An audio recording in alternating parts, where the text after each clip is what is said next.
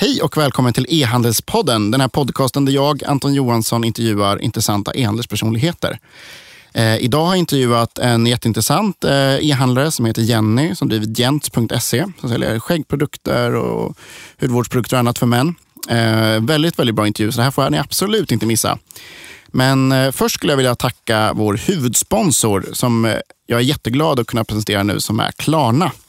Eh, så min nya sponsor är Klarna som då är den här fantastiska betalleverantören som jag själv kontaktade om att de skulle bli sponsor för att jag är så stort, jag är så nöjd kund. Jag gillar att prata, ha sponsorer som jag faktiskt själv är väldigt nöjd kund av. Ehm, och eh, om man bara tänker på Klarna så kanske man tänker fakturaleverantör, men vad de faktiskt är för mig och många andra e-handlare idag så är de ju en, en hel betalleverantör. Fakturadelen är en ganska liten del om man använder Klarna Checkout. Ehm, och för Klarna Checkout, för er handlare och andra där ute som inte har helt koll på det här, så är det ju en jätteenkel integration och då är Klarna Checkout så att säga, för alla typer av betalsätt. Så att det är ju som en, en egen kassa kan man säga i din kassa där man kan, ehm, som har allt ifrån eh, kort till faktura till eh, och framöver även Swish och andra typer av betalsätt.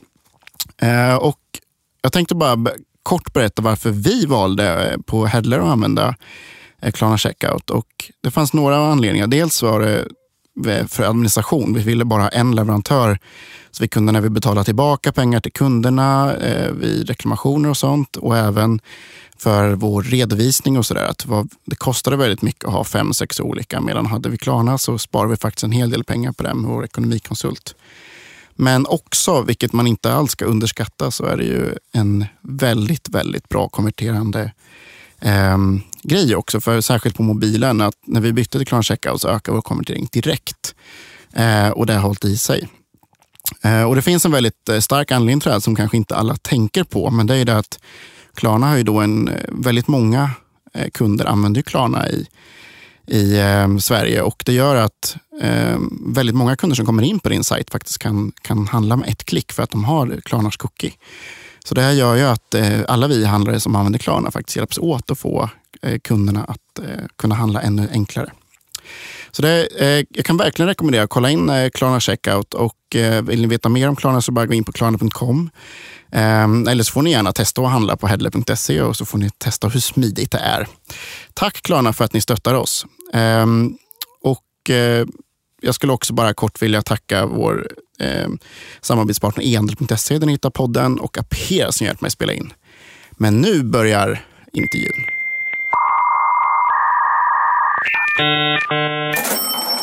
Hej och välkommen till E-handelspodden Jenny Rydström. Tack så mycket. Um, kan du inte bara kort berätta om dig själv först? Ja, jag heter Jenny och jag kommer från en liten by utanför Helsingborg som heter Lerberget. Och, um, ja, ja, nu jag är 42 år gammal och uh, driver Jens.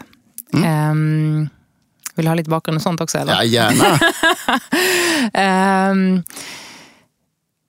Alltså jag tror jag är som människor är mest. Eh, jag har pluggat och jag pluggade juridik och blev skattejurist en gång i tiden. Som jag jobbade som i tio år innan jag växlade över till eh, e-handel. Jag har rest mycket och gjort roliga grejer och haft eh, jättekul. Mm. mycket fest. Hur tyckte du var att vara skattejurist då? Det tyckte jag var intressant. Jag, är, mm, jag tycker det är intressant med politik och det var nog det som gjorde från början att jag blev skattejurist. Jag tycker jag har många åsikter om eh, skattesystemet och skatteuttag. Hur man gör det effektivt och hur mycket man ska ta för att det ska vara effektivt. Ehm, och sådana saker. Så att eh, jag tyckte det var jätte, jätteroligt att följa både utvecklingen, den politiska utvecklingen på skatteområdet och eh, själva den tekniska biten. Jag är ganska analytisk så jag gillar att se luckor och att kunna, ja nästan schack så att säga, att spela schack. Mm. Och det är precis, när jobbar man som skattejurist så är det precis nästan det man gör. Um, så jag trivdes bra som det. Mm. Plus att det är ett högt tempo, man jobbar stenhårt hela tiden. Och det, det passar mig också otroligt väl. Och jag har lärt mig otroligt mycket av detta. Och eh, nu måste du ändå förklara lite mer i detalj. Hur blev man, gick man från skattejurist till e-handelsentreprenör? ja, um, detta är ju länge sedan. Jag började som skattejurist år 2000 och jag höll på till 2010. Och eh, redan 2000 2002, 2003 där, det är ingen som riktigt kommer ihåg när vi satte igång. Ehm, så startade jag och två kusiner startade Jens och då var det faktiskt så här att vi bara bestämde oss att vi ville starta någonting tillsammans. De här eh, två kusinerna de hade precis tagit examen från universitetet. Den ena var ekonom men hade lärt sig programmera själv och var jätteduktig programmerare. Och eh, den andra var elingenjör tror jag det var. Och ingen hade jobb ännu. Och då bestämde vi oss att vi skulle starta eget. Och, um, um, och då blev det att vi startade som, som ett hobbybolag bara. Och det var en ren, återigen en ren analys av marknaden. Vad saknades? Var kunde man tjäna pengar? Vad hade vi någorlunda kompetens att kunna göra tillsammans med våra samlade erfarenheter, utbildningar och kompetenser? Och eh, då blev det det här med rakning och hudvård och grooming och sådär. Det kom ju jättestort 2003 med det här eh, programmet Fab Five. Eh, the Queer Eye for the Straight Guy. och ehm, eh, då hade vi som tur att de var sponsrade av ett jättestort hudvårdsmärke som heter Sir. Och vi var de enda som sålde det i Sverige den säsongen, online. Och eh, också den turen hade vi också att eh, de hade glömt registrera domänen. Så att den forwardade vi till vår sida direkt. vi tog den och forwardade den, och, eller redirectade heter det förstås. Och eh, sen var det också så att det här stora hudvårdsmärket Sir, som då bara fanns egentligen på traditionella damparfymerier, de hade tryckt upp foldrar eh, med hela sitt produktregister. Det var den enda hudvårdsserien för män. Och eh, på baksidan av de här foldrarna så stod det, för mer information så gå in på sir.se. Och det var ju den de hade glömt registrera.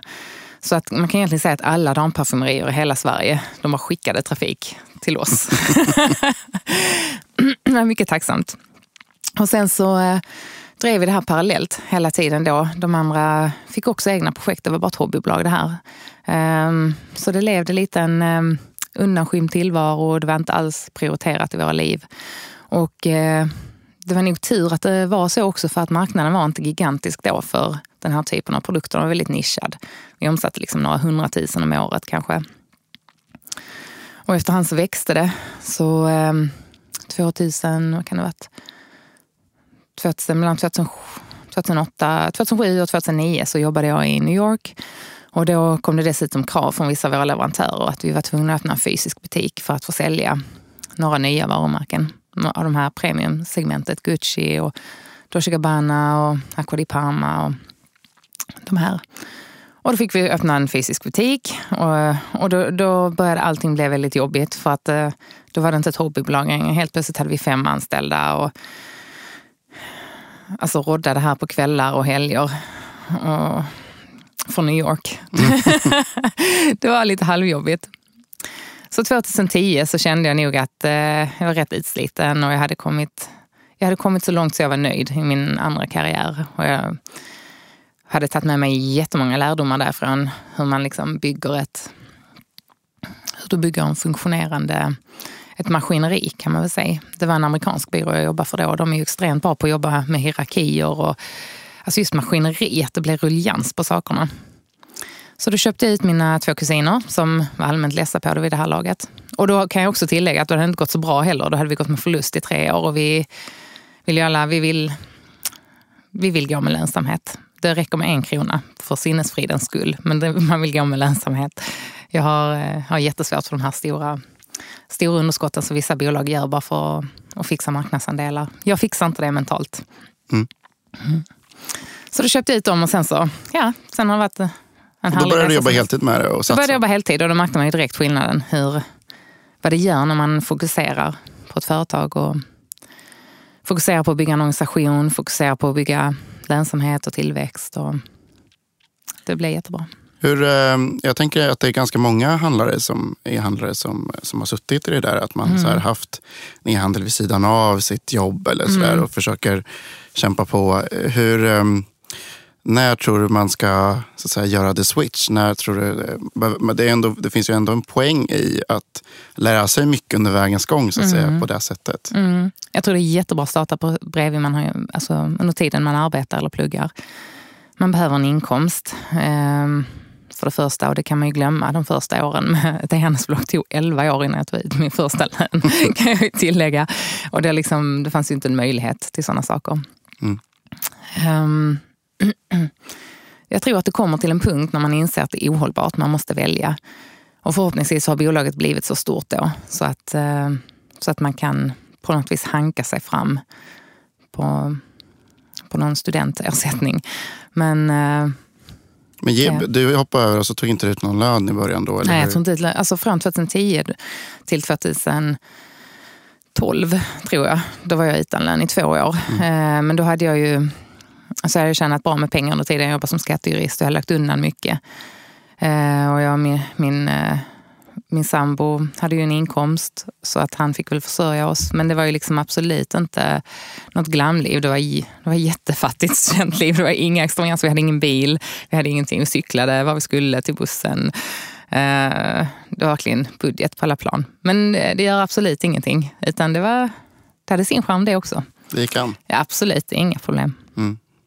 Jag brukar um ge tips till många entreprenörer att om man ska ta tjänstledigt också en till två dagar i veckan. Mm. Det är ett bra sätt att så här, jobba halvtid eller någonting. För då mm. kan man ofta få, få, det är ju faktiskt en fantastisk funktion vi har i Sverige med tjänstledighet som mm. väldigt, alldeles för få utnyttjar just för att mm. starta bolag tycker jag. Mm. Eh, jag. Jag tycker också att många entreprenörer de förväntar sig en avkastning direkt. Och eh, det får man ju verkligen inte. Jag har en, eh, en syster som jobbar mycket med att investera i, i eh, bolag. Eh, på ren hobbybasis alltså. Men eh, hon säger att ofta när de här kommer och pitchar så säger de ja, nu i början så tänker vi bara ta ut eh, 40 000 i lön i månaden. Men sen eh, inom det här och det här året liksom, så ska vi gå upp till 60 000 i lön i månaden. Och jag kan bara le när jag hör det och så tänker jag att ni kommer aldrig bli entreprenörer. Ni kommer aldrig... Ni kommer, alltså man måste ju ner och... Alltså bolaget, ett bolag, ett nystartat bolag äter pengar. Ehm, det kostar så otroligt mycket att växa och att skapa en organisation med allt vad som tillhör. Så att man får själv, om du vill behålla aktierna själv åtminstone, så får du, då får du verkligen offra mm. och satsa själv dina egna pengar. Vad skulle du annars säga var, om du bara får sammanfatta lite kort, vad, var, vad lärde du dig under de här åren du drev det vid sidan av? Vad var de största lärdomarna av, av att så att säga, kombinera ditt eh, skattejuristjobb med Ja, jag tycker nog eh, lärdomar. Jag tänker, alltså det, mitt första som kommer, det första som kommer eh, eh i min tanke är att det var väldigt givande. Att se en sån, det blev väldigt spretigt i ens liv. Att eh, det var otroligt strukturerat eh, att jobba med storbolag, stora börsbolag på dagarna eh, och se hur de arbetade. Det var extremt mycket pengar i omlopp. Och att arbeta med kollegor som var eh, otroligt motiverade och arbeta hårt och var drivna och motiverade till att eh, sen på kvällen hålla på med helt annan typ av, av, eh, av siffror och varor och av frågor och kundfrågor och, eh, och, och eh, också vissa medarbetare som eh, inte hade det drivet som jag var van vid. Alltså på en stor en stor byrå, en advokatbyrå eller en revisionsbyrå, så kommer det, det kommer inte in människor som inte vill vara där. Men på ett lager eller en frisörsalong, vi har en barbershop då, då kan man ibland råka ut för människor som faktiskt inte vill ha ett jobb, men de, de är där bara. Och de utmaningarna, de är också, de är också intressanta. Man lär sig mycket av dem. Ja, precis, man går ju inte en juristutbildningen om man inte har ett visst driv att ta sig igenom den också. Och, Nej. och då det kanske inte samma typ av personlighetsdrag på Nej, det är en helt andra. Det är helt andra. Så det var en utmaning också sen mm. under, eller har varit kanske under hela ja, resan? Absolut, det har det varit. Och kan du själv jag... bli så irriterad på att folk inte har samma driv som du? Otroligt irriterad. Eh, och jag förstår det inte. För vem vill inte framåt, tänker jag. Vem vill inte framåt? Vem vill inte tjäna pengar? Vem vill inte utvecklas i sin karriär och lära sig mer? Och det, finns, alltså det är det som hela livet går ut på, tycker jag. Mm. Eh, och då, det kan kännas jättekonstigt att träffa en, en 40 eller 50-årig person som är där för att Arbetsförmedlingen har sagt till dem att de ska vara där. Eh, och egentligen är fullkomligt ointresserade. De bara går, går förbi fast de ser att någonting behöver plockas upp från golvet eller och att det är väldigt mycket sjukanmälningar och, och sånt där. Alltså, de, de, jag kan säga att de blir inte kvar efter provanställningen men under den tiden så... Alltså det, nu har jag ju lärt mig men, men det, det är förvånande. Jag är, jag är inte alls den typen av människa själv. Nej, Nej och det är väl... Eh, eh, alltså man, om man är, inte är den typen av människa så kanske man inte är så van mm. att umgås med den typen. För man, man hamnar inte i samma sammanhang. Så att Nej, säga. det gör man inte. Eh, och, så att, ehm, man får dels ha respekt för det men dels Absolut. får man ju ehm, jag kan ju själv känna också samma frustration. Att, och det är svårt att jobba framförallt med den typen av människor. Mm. När man eh, själv är så driven. Yeah. och Nej, men nu gör vi tio paket till istället. för. Ja, men jag har också kommit till den punkten nu att nu, nu eh, att med hela den här resan och jag är 42 och jag har en tvååring där hemma och jag har ett barn till här på väg. Så då känner jag bara, jag har ingen tid och jag har ingen tålamod med det här. Så att eh, om jag känner att det har kommit in en sån människa så det, den får försvinna direkt, tyvärr. Så du har, eh, de personerna du har i teamet nu, så att säga, de har ändå Även de som packar är lite mer drivna. Ja, de är så fantastiska. Alltså mm. seriously. Det är, jag, har, jag har världens bästa team just nu som mm. jobbar, utan tvekan. Men, och det gör ju också att man är jätterädd om vem som kommer in. Eh, och det tror jag, det är faktiskt, det är liksom att det är en lärdom som jag tycker alla entreprenörer ska ta. Eh, många svenskar är väldigt konflikträdda, upplever jag det som. Och man måste ta konflikten. Alltså med att säga upp människor, var aldrig rädd för att göra sig av med personal. För att det kan sänka ett företag med fel personal ombord.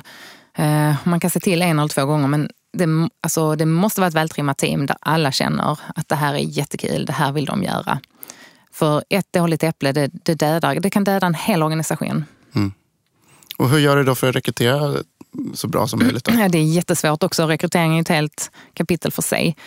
Jag tycker det är svårt att rekrytera och hitta, hitta rätt. Och det är ofta slumpen. Vi har prövat eh, rekryteringsbolag, vi har prövat Arbetsförmedlingen, vi har prövat kompisar till kompisar. Vi har, vi har prövat allt. Och vi har hittat guldkorn i alla kanaler och vi har hittat dåliga äpplen i alla kanaler också. Så det finns, jag tycker inte det finns någon, någon rätt väg Nej. att gå.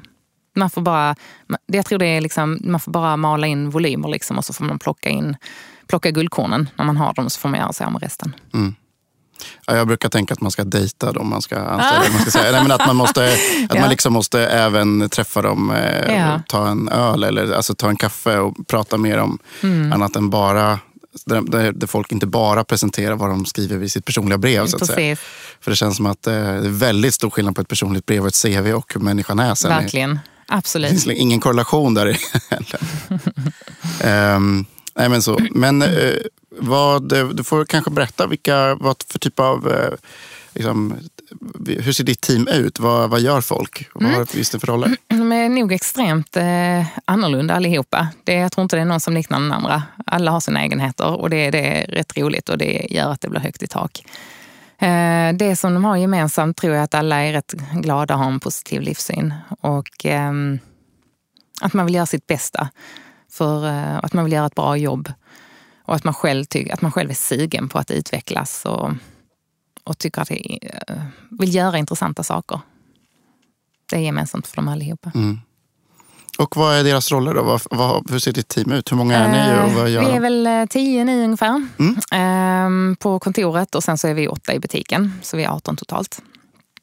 Och eh, ja, det är jag och så är det en vd-assistent sen ett halvår tillbaka och det är det bästa jag har gjort någonsin. Att bara få bort jättemycket admin från mitt bord. Ehm, vi har en ekonomichef, ehm, en person som jobbar med logistik och eh, eh, en som jobbar med inköp, en eh, marknadschef som nu ska slita, så vi ska faktiskt rekrytera en ny marknadschef också. Ehm, en, en AD har vi in-house och två personer på IT. Och sen har vi kundtjänst, en person. Och vi har en som är fast på lager och sen har vi mycket säsongsarbetare och mm, praktikanter från Arbetsförmedlingen och, och så mm. på lagret. Men det är ändå ganska ett, bra, ett ganska stort team ändå, eller man ska säga. Det är... mm. eh, jag känner att, ni, att vi vill växa nu. Vi har ju vi har haft en ganska långsam tillväxt. av flera olika anledningar. Men en av anledningarna är att vi bara växer på eget kapital. Alltså, vi har inga externa finansiärer eller något sånt där. Och plus att marknaden också har varit ganska den har varit eh, liten, tror jag, för vår typ av produkter. Men nu börjar den verkligen, verkligen växa med, med skäggprodukterna. Och då känner jag att om, man ska, om vi ska växa nu, då måste vi också vi måste tillföra mer eh, näring i form av ny personal som kan eh, ta vissa funktioner så att, så att det ges möjlighet. Mm. Kul. Mm, tack. Ehm, och eh, nu får du kanske gå igenom lite. Vad är det egentligen ni säljer? Du har ju nämnt några grejer, men eh, vad är det egentligen Ja. ni säljer för någonting? Vi säljer hudvårdsprodukter och rak, eh, rakningsgrejer och skäggvård och sånt för män. Vad innebär det? Är det någon sån här skäggolja? eller Allt vad? möjligt ja. Det är skäggolja och skäggborstar och mustaschhållare så att mustaschen, du sover rätt med den på natten. Och, eh, Jag läste att den var inte jättestor säljare. Eller? Det är ingen storsäljare. Den är mer en procentgrej kanske. Alltså storsäljare, vi, säljer en hel, vi säljer en del av den men det är liksom ingen kioskvältare. Jag trodde inte vi skulle sälja en enda när vi tog in den. Vi tog in den som en rolig grej att ha på sidan. Eh, och, och, men, men jag är faktiskt förvånad att det finns folk som köper den. Men det är, vi säljer en hel del.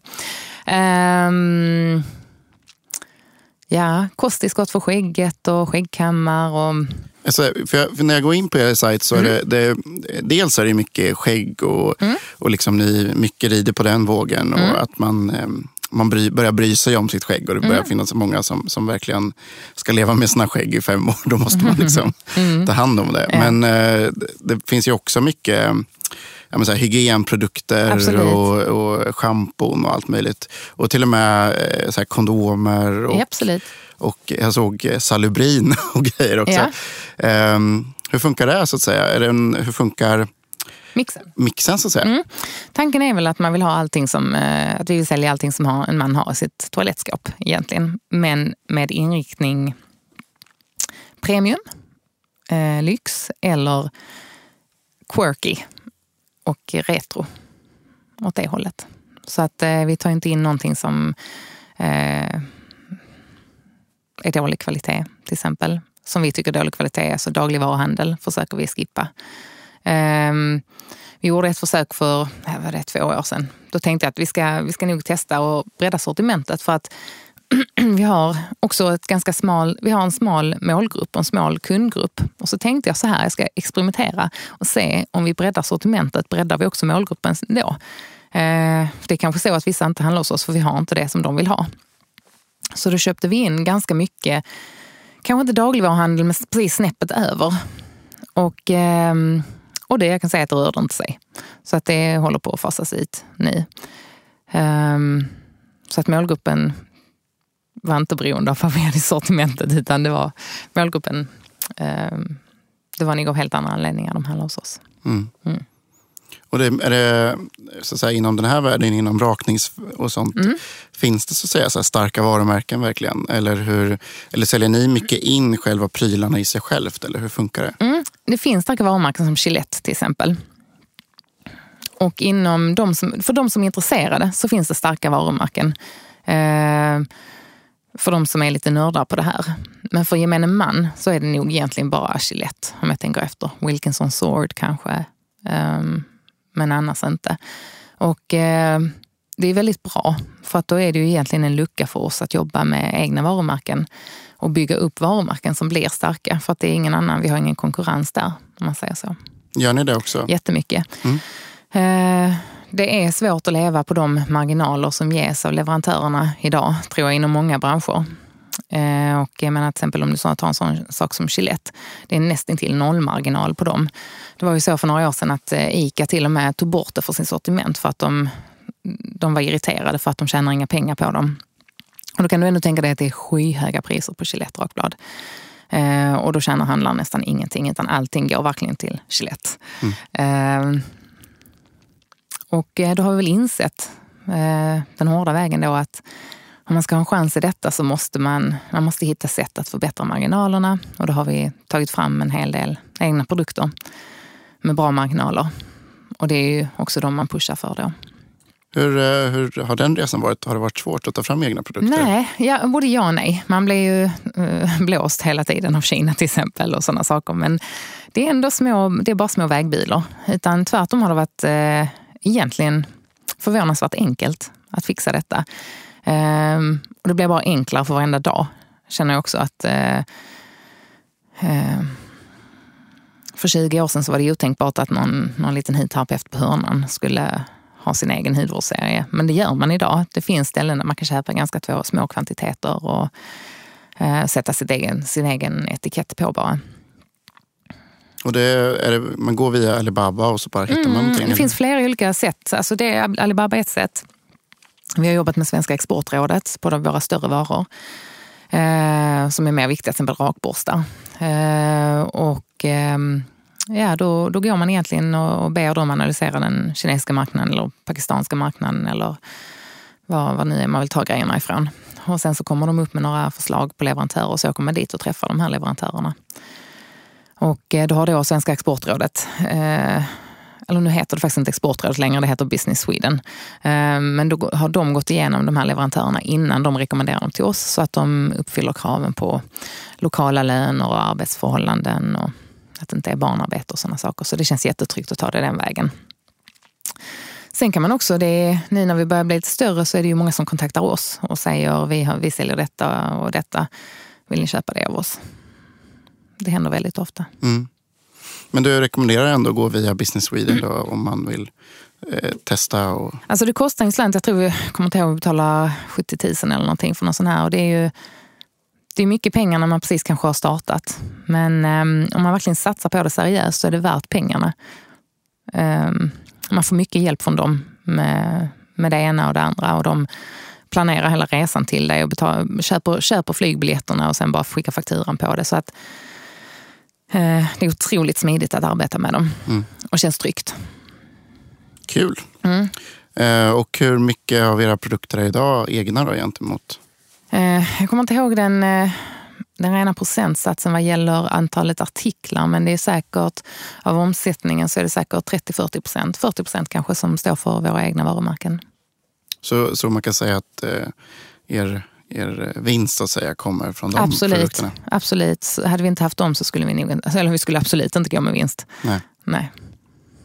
Och eh, hur funkar det annars, alltså, även på de här produkterna ni eh, varumärkena som ändå finns som ni köper in. Mm. Är det um, import mycket av det? För jag antar att det inte är en så här jättestor mm. svensk marknad för de här, Nej. utan det är mycket man får köpa in från olika ställen. Mm. Eh, de absolut mest välkända varumärkena, Gucci och Dolce Gabbana och så, de har distributörer i Sverige. Men i, övrigt så får man ju ta dem överallt ifrån. Så ni sitter och googlar runt och hittar någon leverantör i Spanien och yep. någon i Storbritannien och yep. i USA? Och, yep. ja det tar tid. Men, och, eh, Köper ni mycket direkt av varumärkena då också? Eller har, eller har de europeiska mm. distributörer åtminstone? Um, det beror på storleken. Är det gigantiska bolag så har de nästan alltid eh, distributörer. Men är det mindre bolag så, så köper vi direkt från dem. Mm. Så det är väldigt mycket att sitta på eget lager och köpa in i god tid? Och... Ja, eh, eller ja, god tid och god tid. Vi har väl någon snittleverans på två, tre veckor. Liksom, så att det behöver inte bli behöver inte bli så stora lager på de externa varumärkena. På våra egna varumärken däremot, då är det ju, där bränner man mycket kapital i lager. Det, det svider. Nej, men jag tänker bara, det går inte direkt att dropshippa om man har två, tre veckor. nej, absolut inte. Utan nej, vi får sitta på, vi får sitta på de lagren. Så allting man handlar hos er finns egentligen i lager? Mer eller Japp, ska det ja. finnas. Mm. Sen kan även vi ha lagerbuggar, kan jag säga. Det händer. Ja, det har alla. um, Nej, men, och vad, eh, hur mycket produkter har ni då? Du sa att ni inte riktigt har lika brett som för två år sedan. Men... Eh, jo, eh, okej. Okay, vi har nog bredare än ni. Men eh, vi har fler antal artiklar, men vi har eh, tagit bort dem som vi faktiskt tog in för att försöka se ifall det fanns en annan målgrupp för våra grejer. Så att vi har nog fler artiklar för vi har utökat vårt sortiment, men vi har tagit bort kanske... Men ni håller er i upper-segmentet? Ja, mm. det, det är där, eh, jag känner det är där kunderna är. Och det är där det det är ingen konkurrens och vi, vi är starka där. Mm. Så vi håller oss där. Och hur många produkter har ni tror du? Strax över 2000. Någonstans mellan 2000 och 2005 skulle jag säga. Är um, utöka sortimentet en väldigt stor uh, drivande kraft i tillväxten så att säga? Eller? En del.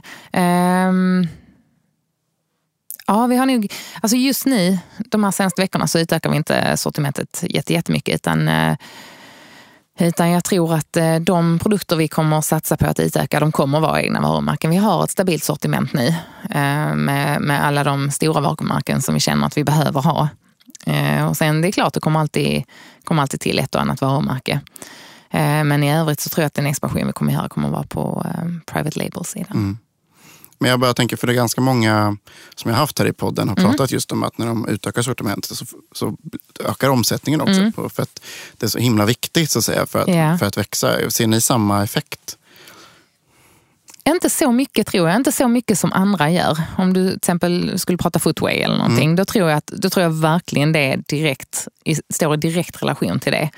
Men eh, när det gäller eh, den här vår typ av produkter, rakningsprodukter och så, så har du, du har ett bassortiment. Och det är ingenting som blir eh, omodernt eller dåligt utan ehm, eh, det tar lång tid att kämpa sig upp tills du har fyllt det bassortimentet. För leverantörer kan vara motvilliga av flera olika eh, anledningar. Men när du väl har det, så då har du det så att säga. Mm. Och det kanske inte finns så jättemånga som i det här premiumsegmentet har mer produkter än vad ni har heller. Så Nej, det blir, tror jag inte det ni, ni, är den mest välsorterade detaljisten inom det här så att säga. Absolut, online är vi det. Och eh, du berättade här att ni har en barbershop eller vad man ska säga. Hur, mm. eh, och det är väl det är väl både så att säga en, en tjänst, alltså då, det är ju inte bara en butik va, utan ni, ni utför själva tjänsten också. Precis. Ja. Eh, hur funkar det eh, att kombinera e-handeln med den här barbershopen? Alltså det är alltid utmaningar. Det är det absolut. Um, um, som organisation, vi har det i, i, ehm, i olika bolag numera, försöker eh, spesa upp det.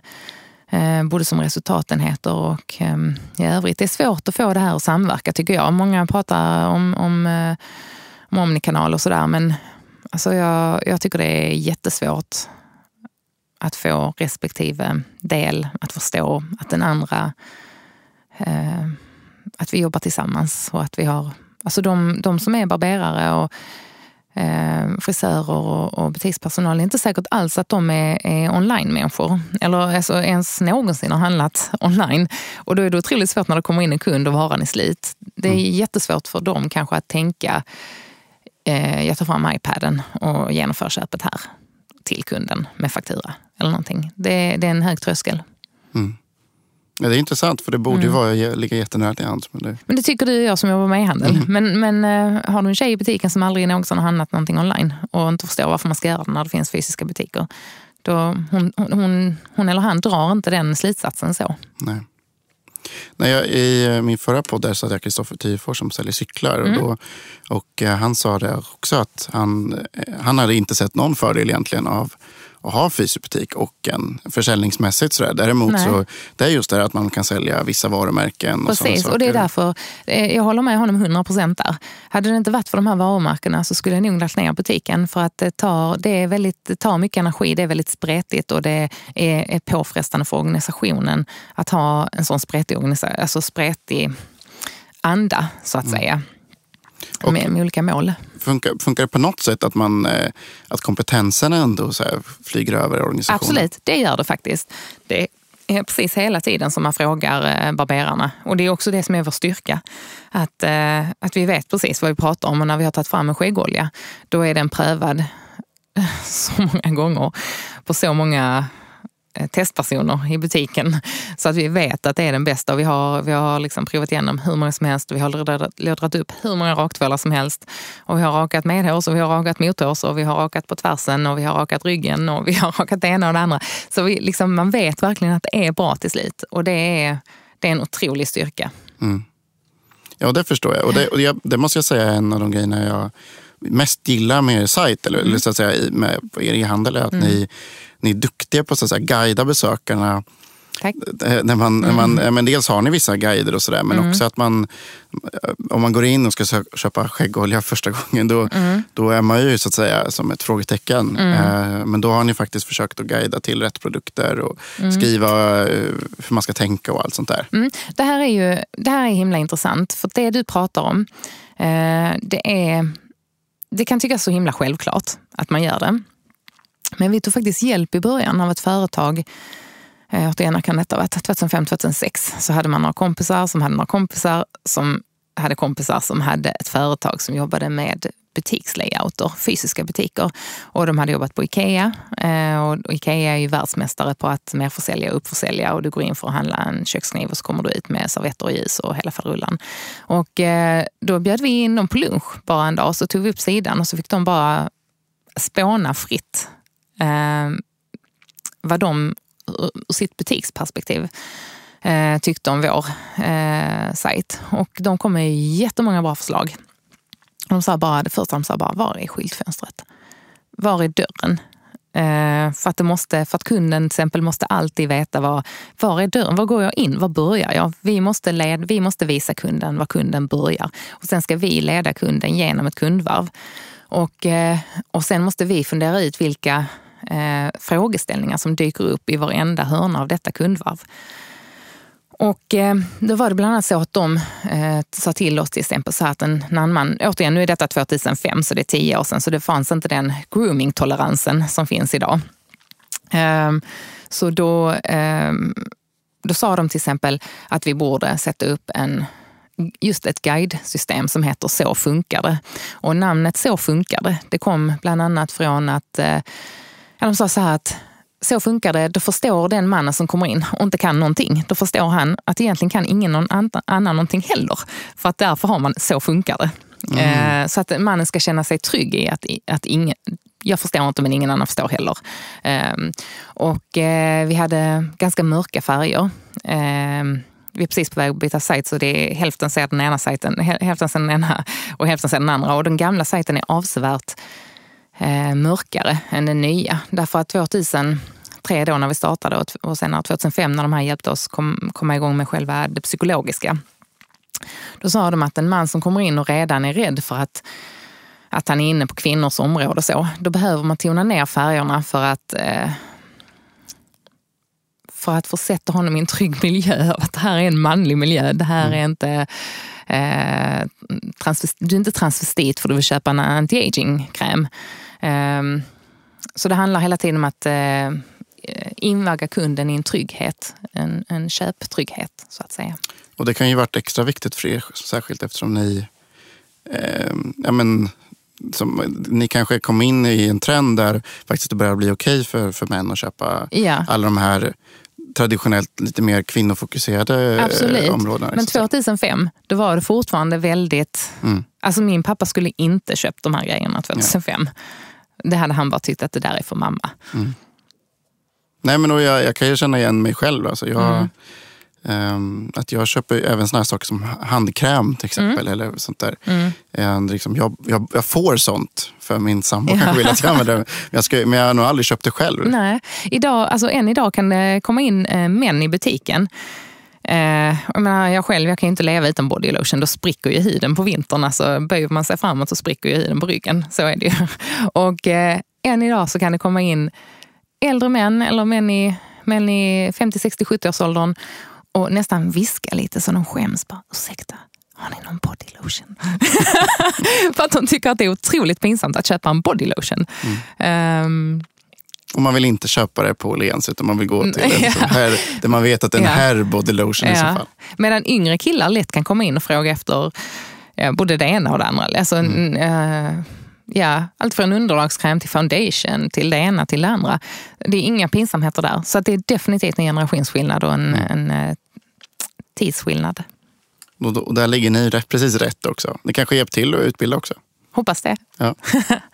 eh, nej men, och det, det, här Så funkar det, det är ju väldigt bra tips kanske. Att om man mm. har någon produkt som kanske inte besökarna eh, vet liksom riktigt, så då kan man ju behöva utbilda folk. Jag tror att man ska göra så här, att man går igenom sin sajt och tänker vad är köptrösklarna?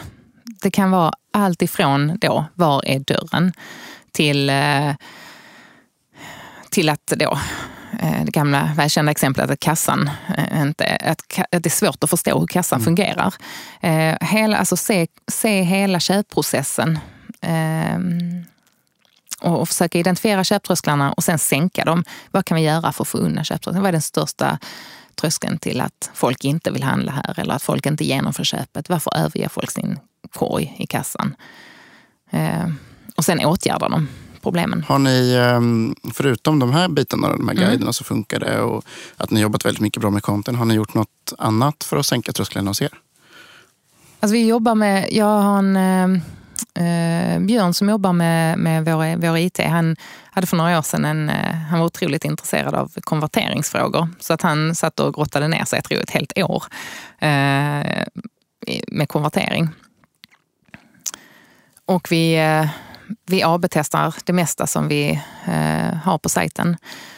Och eh, jag, jag hoppas vi hittat de, första, de flesta köptrösklarna. Men alltså det finns ju alltid fler. Det, nu kanske jag sa för mycket, men det finns alltid fler. Men vi har väldigt bra konvertering, så jag tror att vi har lyckats. Vi, vi liksom ligger runt 4 procent alltid i konvertering. Mm. Så jag tror vi har lyckats hyfsat. Vad, eh, vad tror du annars att säga, varit ert eh, succérecept att säga, när det kommer till liksom, att få, faktiskt få folk att, att gilla er eller att, Mm. att ni ändå har växt? För även om det gått lite eh, sakta i perioder så har ni ändå växt ganska mycket. Mm. Vad har varit så här, de toppgrejerna som verkligen ni har gjort rätt? Att vi är nischade. Mm. Att vi... Eh, att vi, sätt- vi, vi försöker verkligen tänka som kunden, alltså i alla situationer. När en kund har ett kundärende, alltså när, när en kund är missnöjd eller så, så försöker jag alltid tänka att det här är min pappa. Eller eh, det här kunde varit jag. Och eh, behandla kunden verkligen därefter så att allting ska bli så rätt som möjligt. Vi har mycket empati. Eh, Vi försöker hålla oss professionella hela tiden. Vi har bra... Jag är, också, jag är väldigt glad att vi har satsat på kvalitet hela vägen. Vi, ibland händer det att man tar in en produkt, man tror att det, den är bra och sen så efter tio kundrecensioner så, så inser man att den här liksom, den är bara bra på ytan, den är inte alls bra egentligen. Och då, då åker ju den direkt. Mm. Den får inte vara kvar. Det tror jag att vi hela tiden har försökt. Så ni står för någon slags kvalitetstänk också? Att kommer man Ja. in på er så, hos er så vet man att man får bra grejer vad man än Det beställer. är egentligen. jätteviktigt tycker jag. Mm. Jag är själv, jag själv så här att min tid är jätteviktig. Och, eh, ehm, alltså pengar är inte det viktigaste i mitt liv, men tiden är jätteviktig. Så att de pengar jag lägger ner, det måste funka. Första gången, jag har inte tid med byt- byten och returer och så själv som person. Och eh, jag vill att vår kund ska känna precis samma sak, att vi värderar din tid. Det, mm, det, ska vara, det ska vara bra att handla hos oss, det ska vara en bra upplevelse. Det ska inte bli en massa klabb. Saker, saker måste funka. Så tänker jag. Mm. Och eh, hur, ehm, hur har ni så marknadsfört er under årens lopp? Då? Hur, hur har ni, hur har Mm. Vi har det? testat allt. Ja, ni har gjort det? Ja. kan ni verkligen säga. Nästan allt. Och eh, marknadsföring det är ju ett minfält. Eh, det finns ju, alltså alla lovar ju guld och gröna skogar. Eh, vi har varit du- duktiga hela vägen på att mäta vår marknadsföring. Vi har eh, koder när vi gör eh, annonser i tidningar som, så att vi hela tiden kan mäta hur många som faktiskt handlar i den tidningen. Eh, ja, vi har koder precis överallt. Och ja, på nätet är det ju enkelt att och tracka liksom digital marknadsföring. Eh, om jag ska säga någonting så kan jag säga att det är bra med tryckt media just nu, tycker jag. Jag tycker det är jättebilligt och bra. Folk Dealar du mycket då? Eller, sa du? Dealar du mycket då? Eller hur köper du? Eller hur tänker Ja, du kring tryckmedia? Mm. Alltså vi, vi prutar stenhårt och, och vi betalar inte jättemycket alls. Får du ner det 50 procent? Eller vad, Ja, vad mer. Från listpriset är det mycket, mycket mer än 50 procent. Det är 90 procent ibland man får ner det. Men, ehm, men ibland räcker inte ens det för att det ska bli lönsamt. Men, ehm, men digital marknadsföring, där, alltså bannerannonsering och så, det är ju helt, det går ju absolut inte. Det, det lönar sig aldrig. Nej. Nej. Men, eh, men hur, vilka är era viktigaste marknadskanaler då? Idag skulle du säga? Eh, vi, får ju, vi får jättemycket trafik bara genom eh, organisk Google-trafik. Ehm, AdWords, eh, en del kommer därifrån. Eh, vårt nyhetsbrev genererar rätt mycket. Det är, det är en bra marknadsföringskanal. Eh, Facebook tycker jag också är bra. Eh, och jag tycker också att, att rätt tidningar är bra. Pappers, alltså fysiska tidningar. Mm. Mm. Vi, hade en, vi har haft helsidor i Dagens Industri till exempel, så det är rakt in i vår, till vår målgrupp. Och de, har, de har levererat hyfsat. Det måste vara ganska dyrt ändå. Det behöver inte vara det. Alltså vi, I och med att vi har allting in-house med tillverkning, alltså produktion av annonser och så, så kan vi oftast leverera. Vi har, alltså, vi har så otroligt mycket annonsmaterial som bara ligger färdigt. Så att oftast när de ringer och bara säger att eh, ni får en helsida i den här tidningen för x antal tusen om ni levererar ny. Då kan vi leverera ny. Mm. Så det är att Det är vara- man, ska, man ska hoppa på när de har sense of urgency. Då, Ja, det är precis. då ni hoppar på. Så att säga. Precis, och det vet ju alla. Det vet varenda tidning i hela Sverige tror jag. Så att vi, vi får ju erbjudande jämt Mm. om det. Ja, det går ju inte jättebra för tidningarna så det, det är ju en bra tid att vara annonsör så att säga, kanske på det sättet. Mm. Ehm, hur, ehm, hur jobbar ni annars då? Ni har eget lager och sådär. Mm. Har vi. vi har haft outsourcat förut. Jag tyckte inte det funkade. Eh, det, blev, det krävdes lika mycket från jobb ändå från vår sida inhouse för att bara administrera det på håll. Och det blev väldigt mycket fel. Eh, den, eh, den leverantören då hade mycket tog in billig personal från Polen och så, så att det blev som kanske inte alltid förstod vad det stod på, vad det stod på ordersedeln. Så det blev mycket felpackningar och sen så blev det, det blev bara fel överallt till slut. Så då tog vi tillbaka det och det blev mycket billigare och mycket bättre. Och, eh, jag såg även att ni eh, delvis har någon typ av grossist eller distributörverksamhet. Att ni, några, ni saluför några varumärken. Så att säga. Mm, det gör vi. Det är bland annat våra egna varumärken. Eh, Vi har väl fem, fem, sex olika linjer nu av egna varumärken inom olika områden. Och då har vi sett att det finns ett stort behov av de produkterna ute på marknaden. Eh, Både hos andra barbershops, andra online-shops och, eh, och eh, stora ja, department stores i Sverige som, som inte jobbar själv med att ta fram varumärken och som kanske inte riktigt har hittat rätt leverantörer i övrigt. Så det är ett ganska bra komplement. Så att säga, Det är ett jättebra komplement. Eh, Det finansierar ju också mycket av utvecklingskostnaderna. Att vi kan sälja det vidare vi kommer upp i större volymer. Och eh, jag såg även att man kunde skicka in intresseanmälan om att starta franchise för er barbershop Ja. också. Hur funkar det? Har ni, har ni någon mer eller har ni något intresse Det, av jag det? kan säga att vi har haft, eh, vi tog fram ett, em, ett barbershop, eller ett franchisekoncept tillsammans med Franchise Group. Eh, Så att vi har ett som ligger färdigt och klart med handbok och avtal, eh, hur många som helst eh, och liksom processbeskrivningar och det ena och det andra. Och vi har haft eh, en hel del intressenter. Jag kan säga att i de flesta fall så är det faktiskt vi som har backat.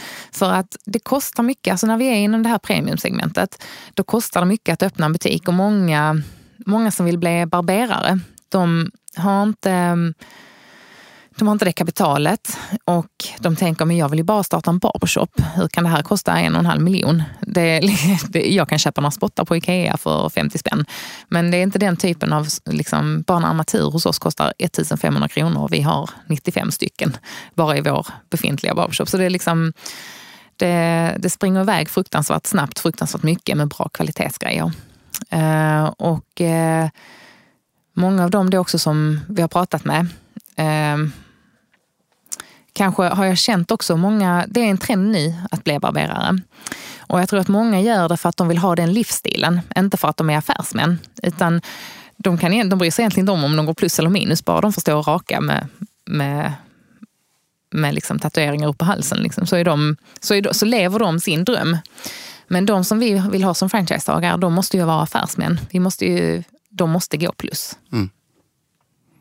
Nej, men och det är väl en, eh, en utmaning inom många sådana Mm. områden där det, finns mycket, där det just Ja. finns mycket eh, där det är ett intresse likväl som ett jobb. så att Ja, säga. precis. Men, eh, men i er barbershop så är det bra affärsverksamhet. Ja det är det, ni- absolut. ni vi trimmar den stenhårt. Vi jobbar med jättemycket med, återigen, med lönsamhet och med siffror. Och där har vi tagit eh, med oss mycket av den digitala mentaliteten, om man säger så, in i barbershop-miljön. Att se hur, eh, ja, alltifrån eh, konverteringssiffror till eh, slutförda köp och att överge kassakorgen och, och sådana saker. Att vi tänker, vi tänker i sådana termer eh, i den fysiska handeln för att, eh, för att förbättra den. Så att den är absolut, vi tittar hela tiden, analyserar hela tiden och trimmar hela tiden. Eh, vi skär och vi lägger till. Och ja, Hur, eh, hur eh, mycket omsätter ni nu då? Och eh, Mm. hur mycket omsätter de olika delarna? så att säga? Ehm, vår eh, e-handel omsätter 21 miljoner och vår fysiska butik omsätter, eller vi stängde precis den, den omsatte 5,6 miljoner detta året. Men ehm, den har faktiskt en väldigt, alltså den har en jättebra tillväxt just nu. Så att jag tror att den kommer säkert landa på 7 eller 8 nästa år. Den är toppen. Och distributionsbolaget omsätter det 2, 3 kanske. Jag kommer inte ihåg på exakt, mm. men det är någonting där. Den har också en otroligt bra, vi kommer nog dubbla den till nästa år. Mm. Så någonstans runt 30 alltihop? Mm, mm. det är det. Kul! Mm. Och ni växer och ja, framåt. Ja. Det var spännande. Ja. Hur ser det ut med internationella planer då? Ni har en eh, mm. jens.com. Mm. Eh, och jag såg att ni hade köpt den för massa pengar för flera ja, år sedan. Så. Jag tyckte att det var jättemycket pengar och nu tycker jag inte det är mycket pengar alls. Utan, eh, men då kan jag säga att det dränerade kassan i typ tre år. Det kostade typ 700 000 eller sånt där? Ja, precis. Ja. Så köpte, det var en, en bögprojekt på den där sidan. Eh, så vi kände att vi ville verkligen ha loss den. Och varenda gång vi frågade så dubblades priset. Så till slut så var det bara, vi måste bara ha den. Och sen så köpte vi den och sen gick det tre månader eller någonting. Och sen kom den här Lehman Brothers-crashen och eh, alla domäner, alltså hela domänmarknaden då. Min, min man eh, jobbar som domänmäklare då, så att han liksom, ja. Jag har varit med på den resan, vad som händer med domänmarknaden om man säger så. Mm. Eh, men hur, säljer ni mycket internationellt eller hur funkar det? Vi säljer en del internationellt, kanske 25 procent av de här 21 miljonerna går mm. internationellt. Men eh, vår, alltså jag ser absolut vår framtid är eh, internationell. Eh, men det är liksom inte bara att slänga sig ut och ösa på och tro att det här är samma land som i Sverige, det bara kör på som i Sverige. Utan jag tror att vi kommer ta det mycket försiktigare. Vi kommer nog skaffa partners respektive land som driver verksamheten åt oss och eh, anpassa den till, eh, till respektive, till respektive nation, liksom nationella förutsättningar. Mm. Men äh, i dagsläget, så ni har en engelsk sajt och en svensk. Ni har mm. inga lokalanpassade? Har, eller? Eh, jo, vi började lokalanpassa den tyska och eh, testade lite där. Och sen så så det var ju då alla andra också körde igång i Tyskland och misslyckades rad på rad. Så vi avbröt det projektet kan vi säga. Så även den tyska sajten är halvvägs på engelska och halva, halva på tyska, halva på engelska. Det är väldigt professionellt. Eh, men den säljer ändå, tro det eller ej. Um, That's it. Var kommer och de? norska, vi har en norsk, en norsk sajt hade vi, det okay. kanske du nämnde. Vi Nej, har en, det... vår kundtjänstmedarbetare, hon, är, hon har norskt modersmål så att hon, hon kör den norska sajten samtidigt som den svenska. Och det är, vilka länder säljer ni mest i? Då? Eh, det är Norge är ju störst eh, av, av länderna utanför Sverige och sen så kommer eh, England. Mm. Är det dit ni, ni kommer gå som sen alltså också? Jag tror att det är ganska enkelt. Alltså, vi är ganska lika varandra. Det finns sådana här diagram på hur lika man är varandra i olika kulturer. Och där ligger ju både England och USA ganska nära den svenska mentaliteten. Och upplevelsen, hur man är och vilka värderingar man har och hur man vill att saker och ting ska vara. Eh, sen kan du ta liksom extremer som Japan och eh, Mellanöstern som är helt andra, helt andra typer av eh, samhällen med, där, där samhällen är uppbyggda på ett annorlunda sätt. Så att det kan nog vara, vara börja där. Men eh, alltså, det är inte bara, återigen, jag tänker inte bara slänga, vi tänker inte bara slänga oss ut och bara tjoho, nu kör vi svenska gens i USA. För det kommer inte funka utan man får göra nog väldigt mycket, mycket anpassningar. Mm. Så sakta men säkert. Sakta men säkert. Och återigen, vi växer med eget kapital så att det, liksom, det, finns inte, det finns inte 10 miljoner att spendera på ett misslyckande. Utan man kan lägga några hundratusen men sen måste det börja gå med vinst. Mm. Mm. Eh, hur, ehm, eh, hur ser det ut annars med framtidsplaner och sådär? Alltså vad, vad är liksom nästa steg för själva bolaget? Så? Vad, vad tror du kommer, vart tror du ni kommer gå? Har ni några mm. nya områden ni vill gå in på? Alltså några, ni ska börja sälja nya typer av produkter? Nej. Eller? Nej. Utan jag tror att det vi behöver göra nu, det har tagit de här åren eh, att bygga upp dit vi är idag. Det vi behöver göra nu det är att vi behöver på något vis... Eh, vi har, det senaste året har vi jobbat jättemycket med att förändra organ, själva organ, den liksom organisationen så att vi har lite tydliga roller just nu. Vi, det är ju så när man växer från ett litet enmansbolag till nu då att vi är tio personer på kontoret så alltså, alla kan inte göra allting längre och det, vi måste börja på något vis arbeta mer effektivt. Och det har vi gjort också det senaste året. Vi har jobbat otroligt mycket med det. Vi har verkligen gjort planer för hur, vem gör vad, vem rapporterar till vem. Och, eh, det tycker jag har eh, tagit oss till nästa nivå. Och det gör att vi idag jobbar mycket, mycket bättre. Men detta arbete måste ju fortsätta och vi måste fortsätta bygga på den organisationen, få in rätt nyckelkompetens. Och jag tror det är där, där är vi just nu. Vi har precis tagit steget upp på nästa, alltså på, på ett nytt trappsteg. Och det trappsteget där vi är nu, det handlar inte om att utöka sortimentet eller kanske eh, förändra tilltalet eller ändra målgruppen. Alltså, utan nu måste vi jobba med organisationen för att bygga upp en, ett maskineri som passar bättre för den resa som vi vill göra. Vad är den då, den här resan ni vill göra? Vad, vad är målet så att säga? ja, alltså vi har, jag vill försöka och det här, det här är liksom, vi har en otroligt aggressiv tillväxtplan. Och, eh, jag tror att den kan gå att göra men det är, det är, som, det är som vanligt att det är kapitalet det är brist på.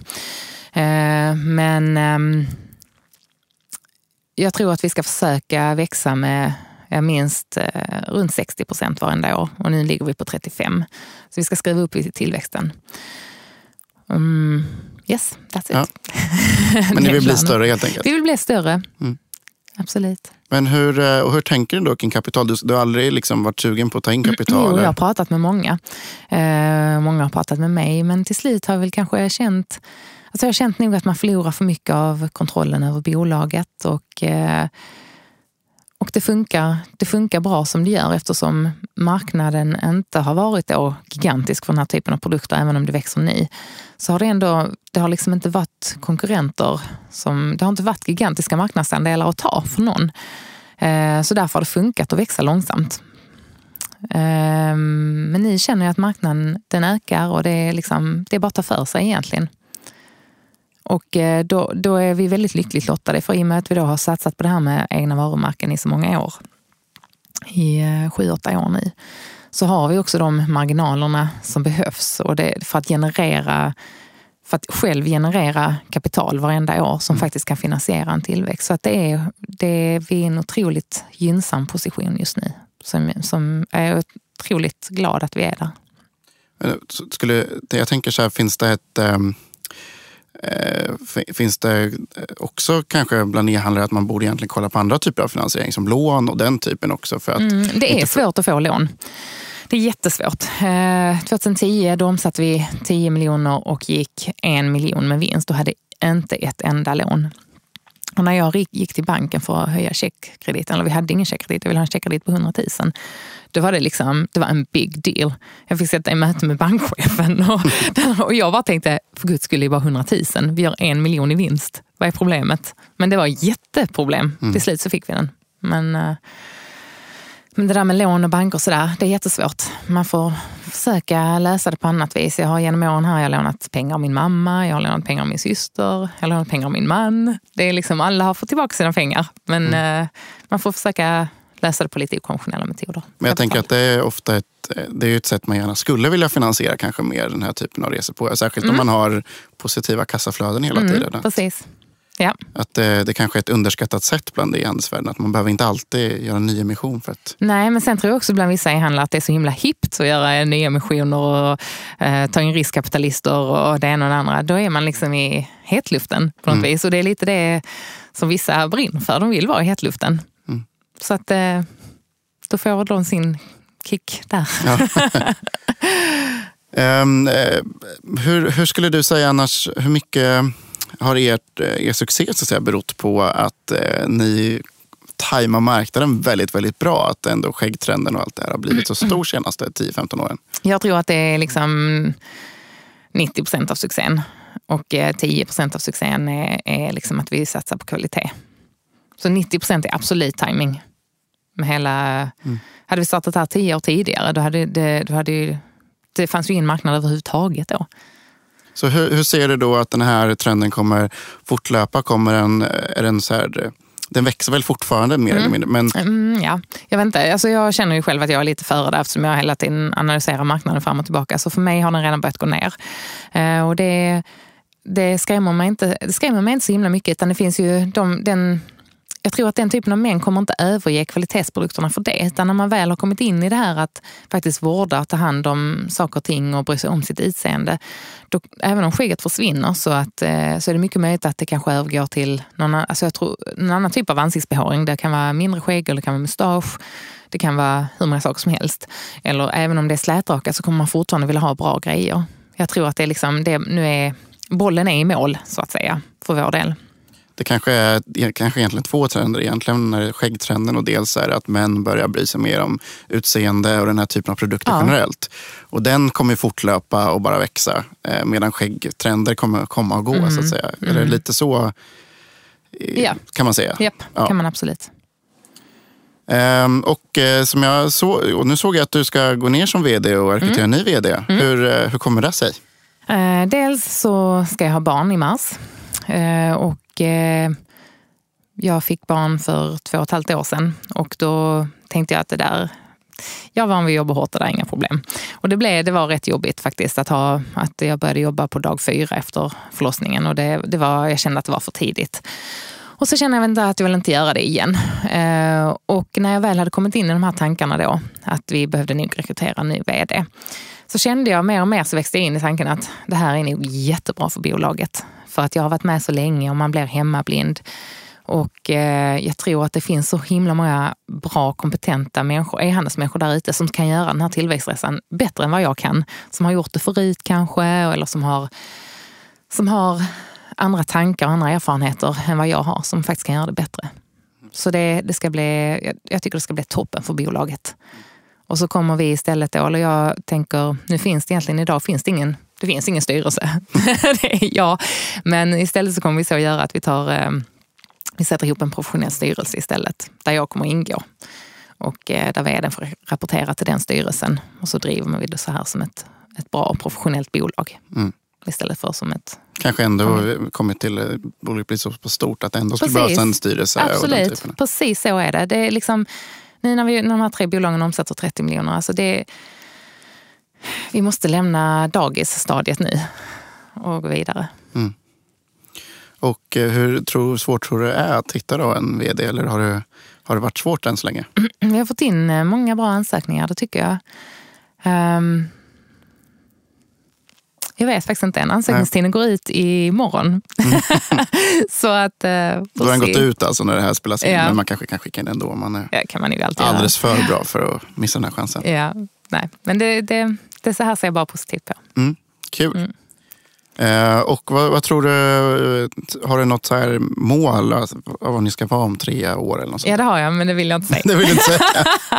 men jag kan säga att en grej, det är att vi faktiskt, vi, som jag sa där i början, vi kommer vara lönsamma hela tiden. Mm. Det är jätteviktigt för mig. Och det kommer, det kommer faktiskt före omsättningen för mig just nu. Spännande. Mm. Hur, ehm, och vad ska du själv göra nu då? Förutom att eh, när du inte längre bara är mammaledig så att säga. Vad ska mm. du hitta på då? Jag tror att jag har, eller jag, jag, jag, har otroligt mycket planer hela tiden. Och jag kommer på nya företagsidéer hela tiden. Eh, så jag kommer säkert starta någonting nytt. Eh, inte nödvändigtvis inom e-handel. Men vi lever i en sån tid just nu som är så himla föränderlig. Alltså det finns så mycket möjligheter. Det, det känns som att hela världen kommer förändras inom tio år. Eh, Alltifrån banksystem till transportsystem till ja, alltihopa. Och eh, det är ju bara det, det enda som... De enda begränsningar som finns, det är det som du har i ditt huvud. Eh, så kan man bara se hur man skulle vilja ha världen istället. Så det är egentligen bara att bygga utifrån det. Mm för att förklara enkelt. Mm. Mm. Tror du kommer göra någonting som eh, du själv är så att säga mer en kund av också? Jag tänker att du, du är ändå, Jens har ju ändå en annan målgrupp än vad du själv är. Kanske? Nej. Tror du? Nej, vi, vi, vi är väldigt bra. Jag kan säga att jag är en absoluta målgrupp för Jens. Är, är, ja. På vilket sätt då? Um, jag tänkte, du har inget skägg? Liksom, Nej, liksom. Det, här, det, här, ehm, det är intressant för att vi har gjort eh, kundundersökningar då, både själva på nätet och sen externt genom andra företag. Och när man tittar på, eh, på hur kunden ser ut så kan jag säga att den kunden har exakt samma värderingar som jag har. Vi röstar på samma parti. Det är, det är liksom, vi går upp samma tid på morgonen. Vi läser e-mailen vid mm. samma tider på dagen. Våra barn leker med samma leksaker. Det, det är liksom extremt eh, ner till pricken. På det, det är otroligt hur förutsägbar man är. Mm. Så någonstans så tror jag att eh, eh, Jens då, eller det som jag har byggt upp, det liksom, min personlighet genomsyrar det. Och till exempel, som många kommenterar som känner mig, det är att jag tar ställning eh, för och emot saker och ting hela tiden. Och jag är, jag är ingen eh, passiv ja-sägare utan jag, jag har åsikter om politik och jag har åsikter om immigrationspolitik och skattesystem. Och, jag debatterar gärna. Och det är signifikant om man tittar på alla kundundersökningar så är det signifikant för alla Gens kunder. Det är att de tar ställning. De har extremt högt valdeltagande om du jämför med svenska befolkningen i övrigt. Och det är allt ifrån vänsterpartister egentligen till, eh, till höger, till, till sverigedemokrater, till... Det är precis, vi har, vi har stor kundgrupp av alla, men gemensamt för dem det är att de tar ställning. Mm. Så att, eh, och det här genomsyrar väl varumärket ganska mycket också? Att mm. ni, att ni, eh, ni kommunicerar med en touch så att säga. Det är inte bara Nej. en information utan jag hoppas, kommunikation. Ja. Jag hoppas det. Jo, men jag, jag, tycker sajten också, bara genom bildspråk och allt möjligt vill man ju förmedla någonting. Det är mm. inte bara informera. Utan Nej, vi förmedla. vill ta ställning. Mm. Mm. Är det ett tips annars skulle du säga till andra företag? Att de mer ska hitta sin själ så att säga? Eller? Jag tycker det är ett tips till hela svenska befolkningen om du frågar mig. Folk ja. Eh, tycker för lite? Ja, ja, jag tycker att eh, man måste göra sin röst hörd. Mm. Man måste tycka och man måste tänka om saker och ting. Ja. men, men företag absolut tror jag, tror jag jag tror att eh, man är så mätt på politisk korrekthet och man är så på, mätt på slätstry, slätstrukenhet och på att eh, ingen vågar göra någonting som kan stöta någon enda människa. Um, och de, de sajterna, då, om vi tittar på företag, de som, de som lever så, jag tror de får ingen personlighet, de får ingen profil. Man måste ta ställning, antingen det är för eller emot. Det spelar ingen roll om du är för eller emot invandring, men jag tycker att man ska debattera det. Varför? Eller, eller skattesystem för den delen. Vi måste kunna debattera sådana här saker. Jag har själv väldigt svårt för folk som inte bryr sig. Ja.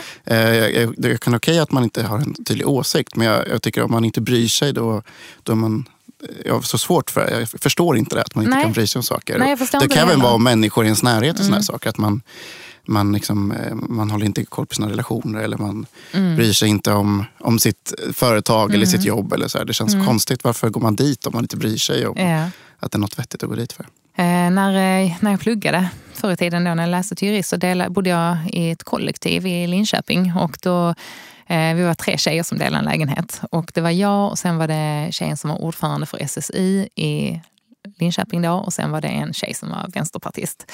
Och jag är ganska höger. Och det var så otroligt roligt. Det var den, det var den mest intressanta tid jag har haft i mitt liv tror jag. För det var så högt i tak och vi debatterade allt mellan himmel och jord. Med glatt humör och eh, och vi bråkade och vi skrek och det ena och det andra. Men det var, det var riktigt tråkigt när vi flyttade ifrån varandra. För att det, var, det berikade verkligen mitt liv. Mm. Så jag tycker man ska, jag gillar sådana såna sammanhang. Kul. Mm. Eh, hur, ehm, eh, om du får ge några tips då till e-handlare annars då? Om man tittar på just e-handelsbolag nu. Vad, mm. Eh, har du några, några konkreta tips till? Mm. Jag tycker att om man ska, jag tycker att man ska satsa på att vara eh, om du inte har en gigantisk kassa bakom dig, om du inte är Åhléns till exempel, då kan du satsa på att vara generell. Men i övrigt så tycker jag att man ska satsa på att vara lite nischad. Jag tror att det är framtiden. Um, what else? Det känns som att du också eh, uppmanar folk att försöka vara lönsamma. Ja, det vill jag gärna. Jag, jag, och jag tycker att man ska vara restriktiv med, med ersättningarna till sig själv. Men det kan man ta sen när det går jättebra. Då kan man liksom ta ut ordentligt. Men jag, har, jag tycker absolut man ska... Det, bolaget måste få, få den näring det behöver. Det går inte att suga ut det redan från början. Mm. Eh, jag tycker att eh, man också ska tänka på många... Jag känner att många som startar företag, det behöver inte just vara e-handlare, eller många företag överlag, de tänker för mycket på kostnaderna eh, utan alltså, istället för intäkterna. För att man måste alltid tänka på intäkterna först. Först får man, alltså för intäkter kostar att få. Eh, man måste se till, alltså man kan inte sätta vagnen före hästen. Får du in intäkterna, får en, en, en, en, en, eh, en cashflow, Då kan du också hantera dina kostnader. Sen när, när du är klar med intäktsflödet, då kan du börja hugga i kostnader. Men jag ser det som att, eh, eh, som att bygga upp en kropp inför en eh, idrottssatsning. Att du kan inte, du kan inte deffa och bygga samtidigt, utan du måste först bygga. Ge kroppen vad det behöver, ibland i överflöd. Och när det sen är byggt och klart, då börjar du deffa bort överskottsfettet så att säga. Och sen har du en fantastiskt bra organisation. Mm. Kul, mm. bra tips. Är det något, något eh, avslutande du vill eh, tipsa e-handlarna där ute om? Nej, inte som jag kommer, kommer på. Handla raklödder på Hens.se. ja, det får man gärna göra. eh, och eh, er barbershop ligger väl i Helsingborg också? Den ligger i Helsingborg. Mm. Mm. Varför, varför tror du det är så mycket e-handelsaktörer just i Helsingborg och där runt omkring? Jag vet inte.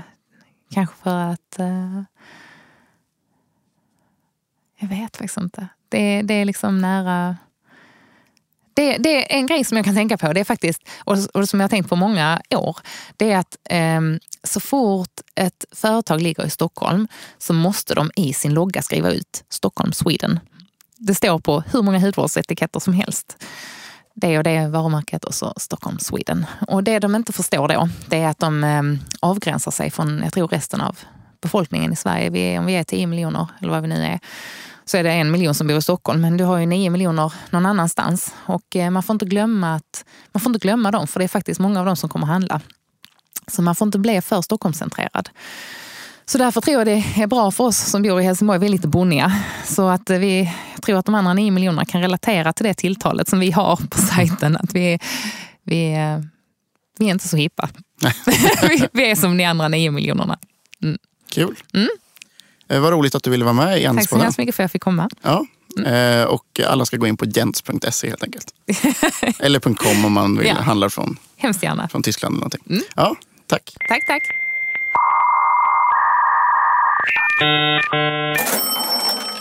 Tack för att ni lyssnat på Endelspodden. Eh, och glöm nu inte att eh, testa eh, KCO, Klarna Checkout, eller kolla in det. Eh, det finns faktiskt många fördelar som man kanske inte tänker på. Till exempel att man får mindre administration, att konverteringen ökar och att eh, man faktiskt kunderna eh, kan få one-click checkout i princip på väldigt många av sajterna på grund av att det är så många sajter som många kunder som använder KCO. Eh, tack Klarna för att ni stöttar oss på e-handelspodden. Och eh, glöm inte att gå in och lyssna och kommentera på enhandel.se och att eh, så skulle jag gärna tacka väldigt mycket också till Aper som hjälpt mig spela in den här fantastiska studion i Stockholm som alla ska använda för sin reklam eller eh, sina ljudproblem. Tack!